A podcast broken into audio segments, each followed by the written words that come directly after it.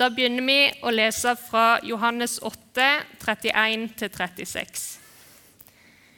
Jesus sa da til de jødene som var kommet til tro på ham.: hvis, de, hvis dere blir i mitt ord, er dere virkelig mine disipler. Da skal dere kjenne sannheten, og sannheten skal gjøre dere fri. De sa til ham, Vi er Abrahams ett og har aldri vært slaver for noen. Hvordan kan du si at vi skal bli fri? Jesus svarte, Sannelig, sannelig, jeg sier dere, den som gjør synd, er slave under synden. En slave blir ikke i huset for alltid, men en sønn blir der for alltid. For Sønnen frigjort dere, da blir dere virkelig fri. Og Så leser vi fra Romane 8, 1-4. Så er det da ingen fordømmelse for dem som er i Kristus Jesus. For Åndens lov som gir liv, har i Kristus Jesus gjort deg fri fra syndens og dødens lov. Det som var umulig for loven, siden den sto maktesløs fordi vi er av kjøtt og blod, det gjorde Gud. Han sendte sin egen sønn som syndoffer, i samme slags kjøtt og blod som syndige mennesker har, og holdt dom over synden i oss. Slik ble lovens kraft oppfylt i oss som ikke lever slik kjøttet vil, men slik ånden vil. Og Så leser vi fra vers 14 til 18. Alle som drives av Guds ånd, er Guds barn. Dere har ikke fått den ånden som slavene har, så dere igjen skulle være redde. Nei, dere har fått ånden som gir rett til å være Guds barn, den som gjør at vi roper 'Abba, far'. Ånden selv vitner sammen med vår ånd om at vi er Guds barn. Men er vi barn, er vi også arvinger. Vi er Guds arvinger og Kristi medarvinger. Så sant vi lider med Han, så skal vi også få del i herligheten sammen med Han. Jeg mener at det vi må lide i den tiden som nå er, ikke kan regnes for noe mot den herligheten som en gang skal åpenbares og bli vår. Amen. Ja, er vi ikke heldige når vi ser barna som, som uh, synger sammen med de voksne 'Gi meg Jesus'? Bare Jesus. Det har vært veldig fint for meg å sitte og høre det. Og jeg tenker på det at uh, barna som voksne trenger Jesus. De trenger å høre om ham. Og Derfor så er vi glad at vi kan drive et barnearbeid her i misjonssalen. I dag har vi altså sett på noen hovedavsnitt i Bibelen som peker på fundamentet i den kristne tro. Det er en tekst av Jesus og en av Paulus, og begge tekstene er Guds ord til oss. Disse tekstene var altså fulle av sentrale begrep i vår tro. Det var eh, begrep som frihet, synd, fordømmelse. Et begrep som er godt kjent i mange taler. Det gjorde Gud. Et fantastisk eh, ordsammensetning. Gud gjorde det som ikke vi kunne, og som ikke loven kunne få til da han sendte sin sønn i syndig kjøts lignelse, som det står. Det er så mange slike, slike margfulle begrep i dagens uh, tekster. Og Vi kunne ha brukt mye tid på mange av disse og sett nærmere på dem. Jesus sier til jødene, sto det, som var kommet til tro på ham, for da Sønnen gjort dere fri da blir dere virkelig fri. Og Paulus, han sa, Ånden vitner sammen med vår ånd at vi er Guds barn. Så temaet som jeg skal ta opp i dag, det er kan vi virkelig vite om vi er Guds barn? Går det an å være sikker på det? Går det an å tenke så at dette er noe som jeg kan stole 100% på? Altså, Det gamle kalte det for frelsesvisshet. Det går an å ha det. Det er et viktig spørsmål, egentlig. For hvis du ikke har frelsesvisshet, så mangler du frimodighet. Og da blir det liksom ikke kraft i din hverdag. Det er ikke sant, det som ble sagt i dag, at enhver blir salig i sin tro. Hvis det var slik, så kunne jo ikke jeg være helt sikker på om jeg hadde den rette tro, eller du kunne ikke være sikker på om du hadde den rette tro. Vissheten blir på en måte den vissheten som jeg har, blir da et holdepunkt. Vi må finne en visshet, et holdepunkt, et ankerpunkt som er utenfor oss selv. Det er noe som er sant. Det er noe som er objektivt sant. Og har vi funnet sannheten, da har vi funnet en grunn å stå på.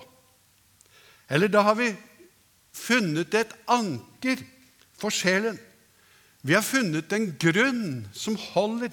Da først kan du stå fjellstøtt, uansett hva du føler i deg selv. Du kan være redd, du kan være fylt av angst, du kan være fylt av tvil og mange ting. Men har du funnet Jesus, så har du funnet sannheten. Da har du funnet noe som du kan stå på. Og dette, denne sannhet, det er menneskehetens største gave, dypest sett. Denne gaven finner vi da i Guds ord. Og sannheten er en person med navnet Jesus, født av jomfru Maria. Og Jesus sier selv, 'Jeg er veien, sannheten og livet'. Jeg har lyst til at vi skal ta og lese noen få vers i prologen, i begynnelsen av Johans evangeliet, så vi ser litt av denne sammenhengen. Og jeg syns det er så vakkert. I begynnelsen var Ordet. Og Ordet var hos Gud, og Ordet var Gud. Han var i begynnelsen hos Gud. Alt er blitt til ved ham. Uten ham er ikke noe blitt til. Det som ble til i ham, var liv, og livet var menneskenes lys. Han kom til sitt eget, og hans egne tok ikke imot ham. Så står det lenger ned men alle som tok imot ham, dem gav ham rett til å bli Guds barn, de som tror på hans navn. Og de er ikke født av kjøtt og blod, ikke av menneskers vilje, ikke av manns vilje, men av Gud. Eller som det sto i teksten som ble lest opp i dag Gud sendte sin egen sønn i samme slags kjøtt og blod som oss. Gud ble en av oss. Hvorfor? Jo, fordi han på denne måten kunne sone våre synder. Han kunne dø i vårt sted, slik at du og jeg kunne bli frelst. Dette er sannheten som kan frigjøre oss. Og det blir ikke noe filosofisk eller en teoretisk frigjøring, men en konkret, fysisk handling med konkrete og fysiske følger. Det er en person. Det er en hånd å holde i. Det er et bankende hjerte å hvile imot. En jeg kan komme til i min smerte, i min nød, i min angst, enn jeg kan få lov til å klynge meg til å være sikker på at han hører. En som vår identitet er knyttet til. Han er min bror. Det er sannheten om deg og meg. Han er din bror. Han er din frelser. Han er den som har gjort det som skal til, og du hører Kristus til. Bibelen vitner altså om at sannheten skal frigjøre oss. Får da Sønnen gjort deg fri, da blir du virkelig fri. Dette er et veldig viktig budskap. For er dette sant, det som vi har lest i dag, ja, da er det jo ingenting som før. Da har vi virkelig noe å bygge livet vårt på. Da har vi noe som er trygt også i døden. I vår tid så er denne, denne sannhet på en måte angrepet på så mange måter. Det, det er en tid som vi sier at alt er relativt. På mange måter så er det toleransens ideologi som ryster oss. Og det er riktig, vi skal være tolerante. Vi skal være lydhøre. Men det er én ting som ikke tåles, og det er at du sier at noe er absolutt sant. Da er man ikke så tolerant lenger. Hvis du kommer og sier 'Dette tror jeg på', 'Dette er mitt fundament', eller 'Dette er fundamentet gjelder for alle mennesker', og det at denne relativismen tar på en måte kvelertak i samfunnet vårt, den gjør og fører oss inn i en slags depressiv situasjon. Denne form for frihet til å velge din egen sannhet kan i første omgang høres besnærende ut, men dypest sett så blir det et bånd som binder oss mye mer enn noe annet. For hvordan kan jeg vite at min overbevisning, min, mitt valg av sannhet, er det rette? Det blir da som å kaste anker inn i båten. Den flyter av sted, og du vet aldri hvor og hvilken retning den tar. Det at vi tenker slik i en kristen sammenheng, det tar oss fra muligheten til virkelig å eie visshet om noe som helst i en religiøs og åndelig sammenheng, også når det gjelder min frelse. Så da er det et dypt og alvorlig spørsmål som på en måte trenger seg innpå oss, kan vi egentlig vite? Paulus han sa, og har sagt i første Korinterbrev Vet dere ikke at Ånden, Guds ånd, bor i dere? Vet dere ikke at Guds ånd bor i dere? Ser dere, der er en hemmelighet.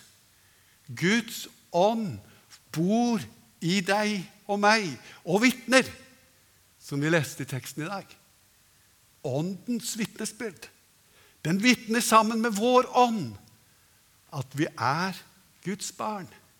Åndens vitnesbyrd er et troverdig vitnesbyrd. Og den har på en måte to, måte, to deler som jeg kan peke så vidt det er på nå. Ånden kommer, og når Han kommer, skal Han gå i rette, står det, med verden og vise hva synd er, hva rettferdighet er, og hva dom er. Hva er så Åndens vitnesbyrd? Når du i din samvittighet har lest, du har lest Bibelen, du har hørt Guds ord, og så kommer Ånden og peker på noe i din samvittighet. Noe som kan være ubehagelig. Du kan ha baktalt, du kan ha løyet, du kan ha gjort forskjellige ting. Er det noe som du har kommet på av deg selv? Eller er det Ånden som er i ferd med å gjøre et arbeid i ditt indre? Er det en del av Åndens vitnesbyrd at han kommer og rammer samvittigheten vår?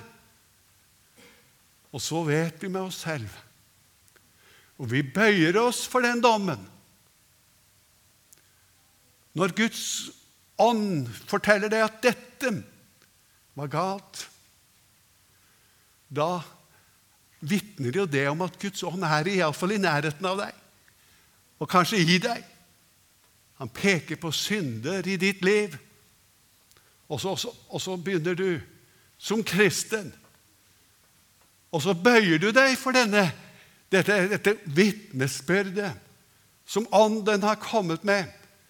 Når denne dårlige samvittighet kommer inn i ditt hjerte, da bøyer du og sier, 'Ja, Gud, du har rett'.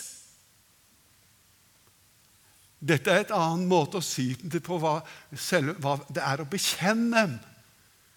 Bekjenne mine synder innenfor Gud. Og Det er derfor de troende er så glad i bekjennelsen, synsbekjennelse. For de erfarer denne uroen i sitt hjerte stadig vekk.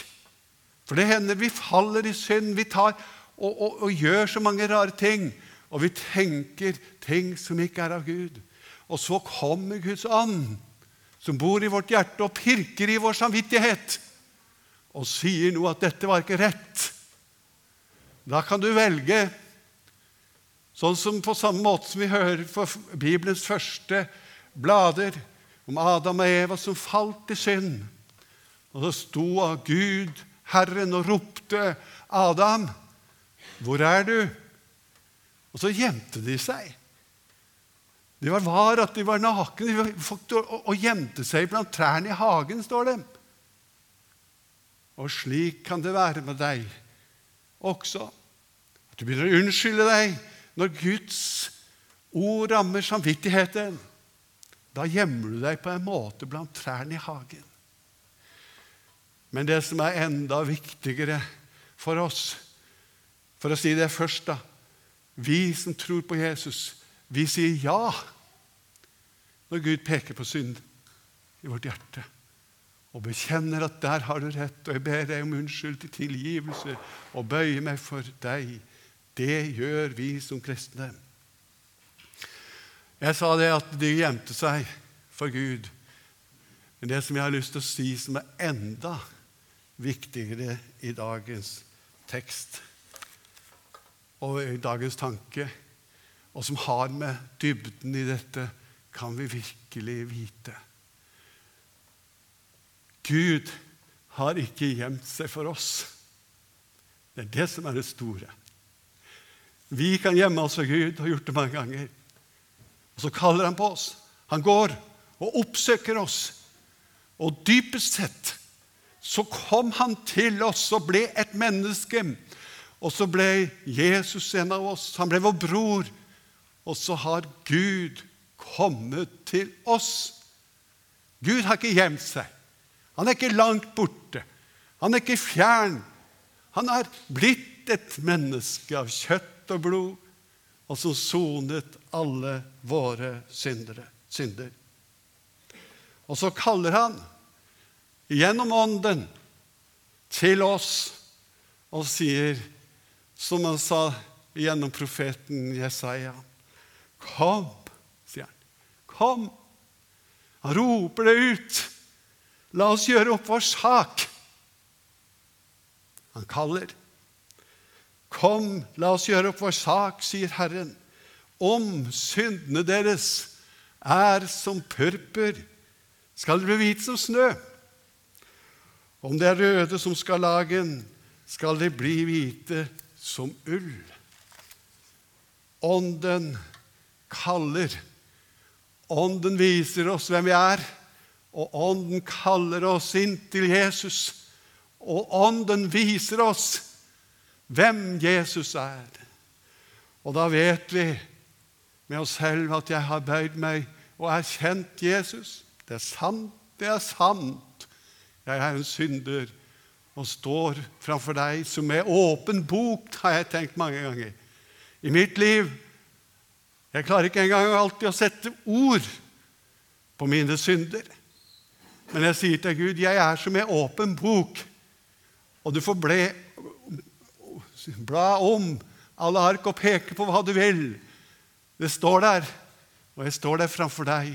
Men så får jeg høre fra Han at dine synder er utslettet. Det er samme vitnesbyrd. Åndens vitnesbyrd sier at syndene dine er slettet ut.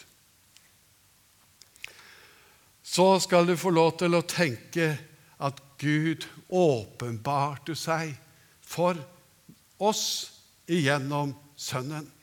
Det som var umulig for loven, hva er det som var umulig for loven? Jo, det var egentlig å skape et fromt og hellig menneske av deg og meg. Jeg fikk ikke det til, for materialet var ikke egnet til å få dette til. Derfor så kapitulerer vi, alle sammen.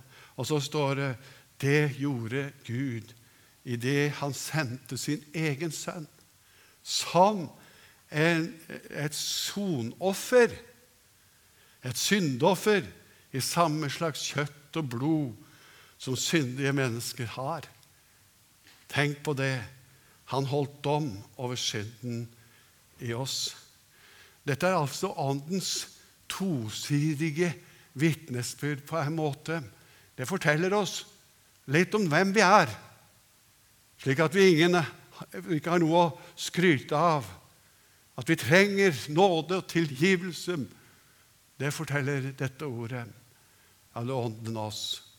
Og så viser det Men i Kristus har du fått alt for liv og salighet. Og han døde for deg, og du er fri. Han kaster altså lys inn i våre hjerter. Og når dette skjer, så blir det noen konsekvenser Litt forskjellige grad sånn emosjonelt. Noen hopper i tak og roper halleluja. Andre retter ryggen sin litt opp og sier ja, takk og lov. Og eh, noen sier hurra for Jesus. Jeg vet ikke hva de sier, alle.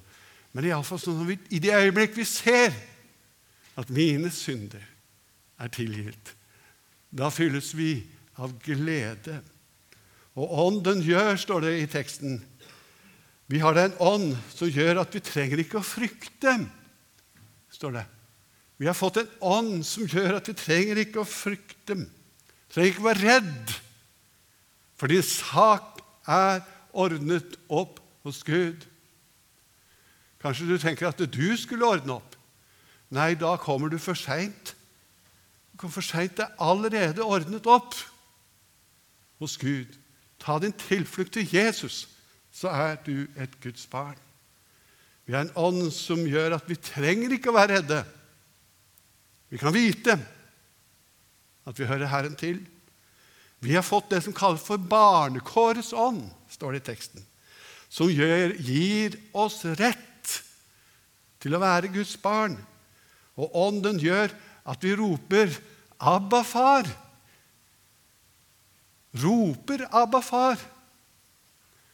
At vi har fått et sånt pappaforhold til Gud. Han er min far. Og så roper vi det ut.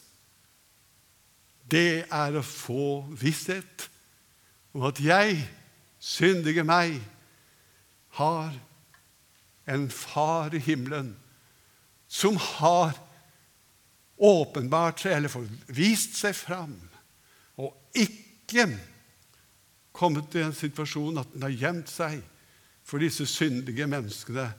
Men han kom og viste seg, og han ble et menneske, en av oss. Til slutt har jeg lyst til å fortelle en historie fra Evangeliesenteret om en kvinne som fikk se dette. Dere som vet, Det er kanskje ikke alle som vet hva Evangeliesenteret er.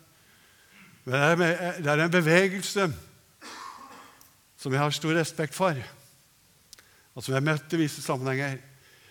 De har hjulpet tusenvis av rusmisbrukere inn til Jesu hjerte.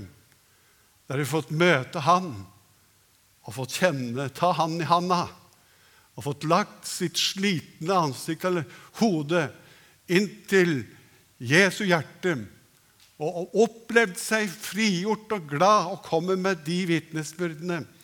Og der har jeg hørt også noen som sier 'hurra for Jesus'. og det er fantastisk. Men denne damen som jeg skal snakke om nå, hun var kuet av skam etter år med misbruk og rus. Og hun var kuet av skam også av misbruket det som hun ble misbrukt av fra andre. Og der på senteret som hun var, så var det slik at de skulle lese i Bibelen og sprette opp og ha vitnemøter. Dette var vitnesbyrd etter vitnesbyrd. Og denne kvinnen hun satt der og kjente på skammen over sitt liv. Men hun leste i Bibelen. Så kjente vi gikk det en tid. Så kom vi utover i Johannes evangeliet. Antakeligvis samme kapittel, men begynnelsen av det kapittelet som vi leste fra i dag. Det åttende kapittel. Vi leste sikkert det fjerde kapittel om kvinnen, den samaritanske kvinnen. Og vi leste åttende kapittel om kvinnen som ble grepet på fersk gjerning i hor. Så begynte hun å se. Så gikk hun på nærmeste butikk, som man fikk som klesbutikk, og kjøpte den fineste kjolen. Og Så gikk hun på møte den dagen, for nå hadde hun møtt Jesus. Og så turte hun å reise seg opp og vitne og sto der i sin nye kledning, nye kjole. Fin. Slik er det for den som møter Jesus. Han får en ny kledning, og skammen og skylden, alt er borte. Du også har en festkledning hos Jesus. Derfor rett deg opp og rop 'Abba, far'. Han er din. Så er det da ingen, står det. Ingen fordømmelse. Det leste vi. Tenk, det står ingen. Ingen fordømmelse for dem som er i Kristus Jesus. Så kjære tilhører, kle deg i frimodighet. Din synd er sonet. Du er ren og rettferdig i Kristus Jesus, og du kan rope 'Abba, far'. Men er vi barn, står det, er vi også arvinger. Vi er Guds arvinger og Kristi medarvinger. Amen.